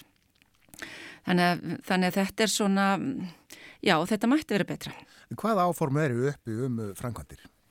Eh, það er sérst að við séum að fara að byggja hérna um 10.000 fermetra legodeildar álmu eh, við sjúkrási sem, að, hérna, sem verður viðbygging og þar horfum við til þess að okkar bráða legodeildir fari í það minsta og þar höfum við þá bætta möguleika á því að tengja betur saman starfsemi eins og legudelda, gungudelda og dagdelda þannig að það verði meiri svona samlegði í þjónustunni. Í dag er þetta svolítið þannig að legudeldinar eru á einu stað, gungu og dagdeldir eru á öðrum stað en ég held að við ættum, svona það er möguleika á því að við getum verið með betri samlegð í bæði starfsfólki og starfseminni með við, þegar við flytjum í hendur á húsnæði. Og hvena verður það heldur? Já, ef ekki segja bjarsinustu spár gera á, segja árið 2008 og ég ætla bara að halda mig við það. Já, já. Vonum að það gangi allt saman en uh, eitt er húsnaði og annað er starfsfólk. Uh, ertu með uh, nekt fólk í vinnu? Við erum með náttúrulega frábær starfsfólk eins og höfum ábyggla margóft sagt frá áður að, að við gerum þetta ekki án þess að vera með gott starfsfólk og þrautsegt starfsfólk. Við varum tilbúins að hafa aðeins meira því því að við höfum líka verið að glýma við skort á heilbrið starfsfólki undarfærið ár og, uh, og það hefur náttúrulega valdið okkur svolítið vandraðin varandi starfseminna og kostað svona bæði meiri álag á þann starfsmann sem er í vinnunni, bæði vegna veikindan eins og ég nefndi áðan og líka því okkur vandar fólk. Þannig að þá kemur svona svolítið þessi vítarhingur að við þurfum þá að leggja meiri álag á starfsmann sem er á staðinum, e, jafnvel hringja hann oftar út, e, fá hann semst í útköll og allt þetta veldur álagi og kannski þreitu og jafnvel veikindum, við vitum ekki alveg hvað það er. Þannig að okkar áherslu núna eru svolítið mikið að vinna því að við e, bara vinna að bættu starfsumhverfi, vinna að því hvernig við getum laðað til okkar e, e, sem sagt sérhaft heilbíðstarfsfólk og ég vil nú bara segja svona okkur til tekna að okkur hefur tekist bara nokkuð vel á þessu ári. Við hefum lagt miklu áherslu á þetta eins og ég sagði og, og erum búin að ná góðum árangur með hjúkranfræðingarna sérstaklega Uh, en við erum ekki alveg á sama stað með leknana, það er, þar er ennþá skortur og svona, það er svolítið erfiðar að fá lekna til okkar og við hefum svona verið að velta fyrir okkur ákverði það er. Því eins og þú örgulega veist og hefur heist að þá er afskaplega gott að búa á ákverðri og, og, og, og við viljum hvetja fólk til þess að koma til okkar. En við hefum svona verið að velta þessu fyrir okkur. Hvað, hvað er það? Að hver er svona erfitt að fá lekna til okkar? Og við svona horfum svolítið á það kannski einn kannski mögulega eina af ástafinu svo að, að sérfræðingar eða fólk sem fer í læknarsvæði það sérhæfi sig sem maður skilur mjög vel en sérhæfingin kannski verða svolítið mikil og miklar áherslur lækna á svona undirsérgrinnar sem að kannski er þess aðlis að það er ekki nægilegu fjöldi af, af sjúklingu til þess að sinna hér á svæðinu og, og skiljanlega vil það fólk vera á svæðinu eins og háskólusjúkrásin í Reykjavík það sem að meiri fjöldi er að fólki sem að uppfyllir það þeirra hvað segir, hvað segja hérna hóp sjúklingahóp um, um að sinna og viðhelda sér í, í fæinu. Þannig að þetta er svona sem við erum svolítið að horfa á. Við þurfum svona meiri, meira af svona almennari læknum en auðvitað sérfræðingum. Já. En við vinnum í þessu en, en það, má, það er svo svona gaman frá því að segja að, að við erum kjænslisjúkrás og mjög upplugt kjænslisjúkrás og tökum á móti nefnum í, í heilbríðsgreinu og höfum gert það lengi og erum alltaf með nefna, alltaf árið kring og það skiptir okkur mjög miklu máli upp á bara næstu kynnslóð og unglaknar koma til okkar í ríkumæli og mér skilst að núna sé bara, hafi aldrei verið meiri ásokn í það að koma á sjúklása akkur og fyrir það eru bara afskaplega glöð. Já, já. Sko það hafi ekki verið neitt uh, mjög goða fréttir sem hafa borist af heilbriðismálum, heilsu gæslumálum á uh, akkureri, það eru framkvæmdir mm -hmm. vegna uh, miklu er það ekki á hjúgrunarheimilinu mm -hmm. og, og alls konar vandraði í heilsu gæslinu líka hefur mm -hmm. Hefur uh, þetta allt saman þýtt aukið álag hjá ykkur á spítalunum, sjúkrásum? Al, alveg klárlega og ég held að þarna séu að horfa bara svona svolítið á kervislegan vanda sem að endur speklast náttúrulega kannski á mismunand á stopnunum því að ég veit að þessi vandi er ekkit bara hjá okkur, hann er víða. En þetta spilar eins og verður allt saman því að skortur á starfsfólki og heilsugjastastöðum uh, þýðir aukið álag á sjúkrási því fólk kemur þá kannski frekar þangað. Uh, skortur í heimahjókrun sem er einmitt rekin af af uh, heilsugjastlustöðun hér á Akureyri að heilbyrstafnum Norðurlands. Það hefur ekki verið nægileg mönnun þar. Það hefur þó áhrif að við eigum erfið með að útskrifa fólk frá okkur þannig að það ílengist hjá okkur. Og svo náttúrulega þetta með öldrunarheimilin að hafa ekki nægilega hérna, nægilega nægilega úrræði fyrir aldraða það gerir ennþá meiri vanda hjá okkur og við höfum verið miklu vanda á síðastleinu ári. eh, vegna þessa og við erum með um, svona, um 15-20% af legurýmum á fullornins deildum, þá er ég fyrst og fremst að tala um hérna, leiflangadeildin hjá okkur, skullæknadeildina og uh, öldrunlæknadeildina á Kristnesbítala að um 15-20% af þessum legurýmum eru Sagt, uh, hérna, setin af fólki sem er komið svo kalla gildfærn og heilsumat eða, það, eða þá það er í vinslu og það ætti heim og öldrunheimili og þetta svona markmið eða stefnu yfirlýsing stjórnvald er svo að það sé ekki meirinn 5% legur í má sjúkrásum fyrir þennan hóp. Og ég skil það mjög vel vegna þess að fyrir mér er þetta bara alls ekki rétt þjónust á réttum stað. Aldrei er eiga við, mér finnst þeir eiga sko kosta miklu miklu betra og þeir eiga ekki að vera á sjúkrásum, þeir eiga rétt og miklu betri á öðru umhverfi heldur en bara verið náttúrtónum allan daginn. Þeir eiga að vera að það sem að þeir hvað við segja, eins og bara rétt að þjónustu réttum staðum. Ég finnst við eiginlega skulda okkar fólki það að við getum búið þeim svona góð síðustu æfárin á þeim stað. En að mér finnst þetta svolítið, ég er svegt yfir þessu, ég skal alveg viðkjöna það og hérna og myndi gjarnan vilja að við sæjum breyting á þessu svona fyrr en ekki en, en þetta klárlega hefur mikil áhrif á okkur á okkar starfsemi og náttúrulega fyrir utan fólkið og aðstendendur þessara aldraðra. Mikið ála aðstendendur á emitt. Já, en mér finnst kannski, ég má kannski bæta við það að ég nefndi svona rétt að þjónust á réttum stað að ég fagna mjög núna fyrirætlunum stjórnvalda um að setja á laginnar starfsóp eh, sem á akkurat að fókusir á þetta rétt þjónust á réttum stað sem er hluti líka heilbríðstefnin til ársins 2030 og ég svona ber svolítið vantika til þess að við getum að það skili góðum árangri svo vinna varðandi varandi það bara að fólk geti verið það sem það á að vera. Þannig við séum ekki alltaf með álægið á kannski vittlusum stað. Já, fólk er svolítið leitt á starfsópum og skýslum og því öll, mm -hmm. þú veist mhm. það. En, en hérna mm -hmm. það, það, það þarf að fara í svona einhverja uh, vinnu, undirbúnisvinnu áður en að þetta til aðgerða.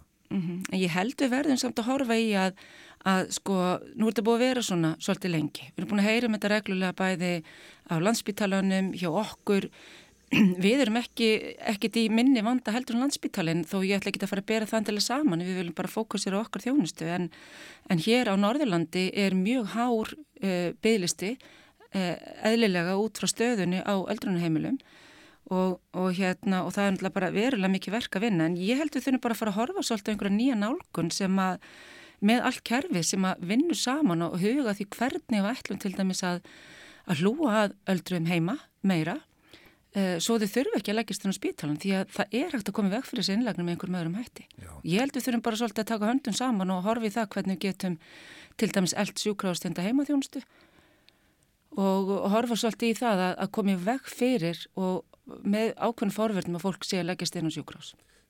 Tryggjum eh, öldruðum ákveðlust æfi kvöldur einu sinni sagt. Já, ég, það bara á vel við enn í dag.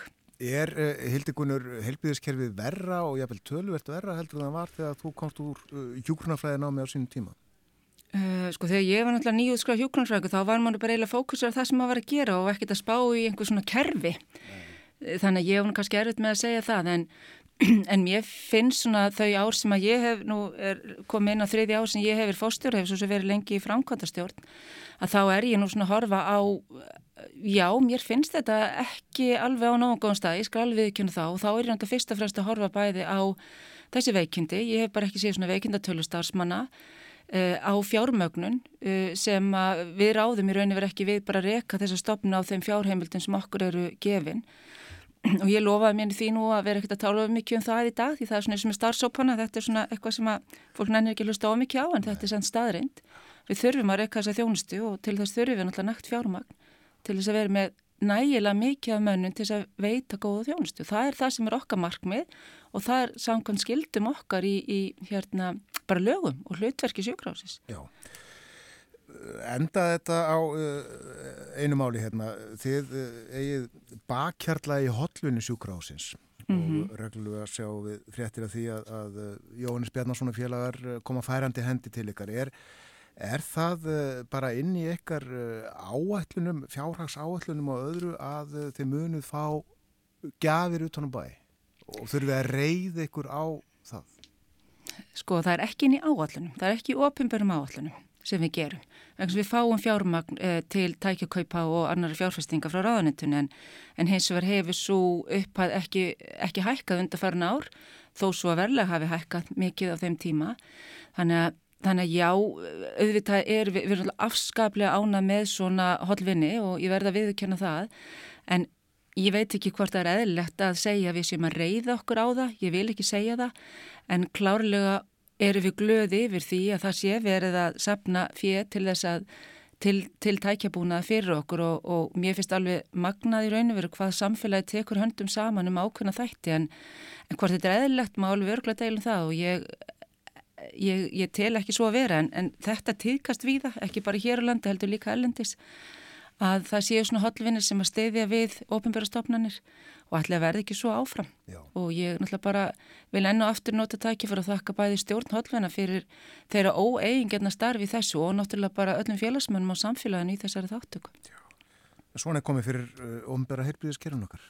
Það má kannski segja það en ég held að við verðum bara öll að taka höndum saman og, og, og byggja upp í ákvaða ímynd, það er okkar markmið núna að vera að, að byggja upp ímyndin okkar því að á sjúkrasinu er gott að vinna, eh, það er veitt góð þjónusta, við tökum vel á móti fólkinu og við viljum bara halda því áfram. Þakkaði fyrir að vera með okkur á morgumaktinni í dag, Hildigunnur Svavastóttir. Sjálfsagt mál, takk fyrir kjærlega. Takk, takk. Hildigunnur er uh, fórstur í sjúkrahúsins á Akureyri. Og að þessu spjalli loknu hlustu við á svolítið jazz.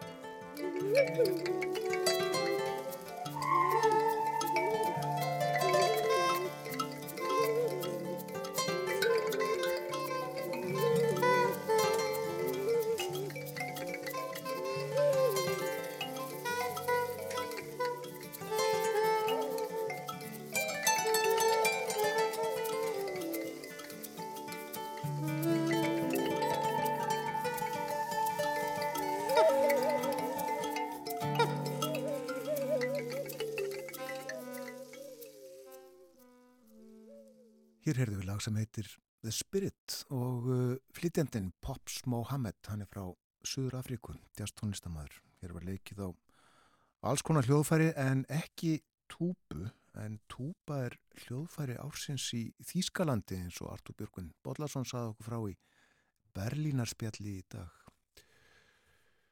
En klukkan er alveg að verða nýju og komið að loka morgunvaktarinnar þennan morgunin. Björn Þór Sigbjörnsson og Þórun Elisabeth Bóadóttir þakka samfélgina frá því snemma í morgun og við bjóðum góðan dag.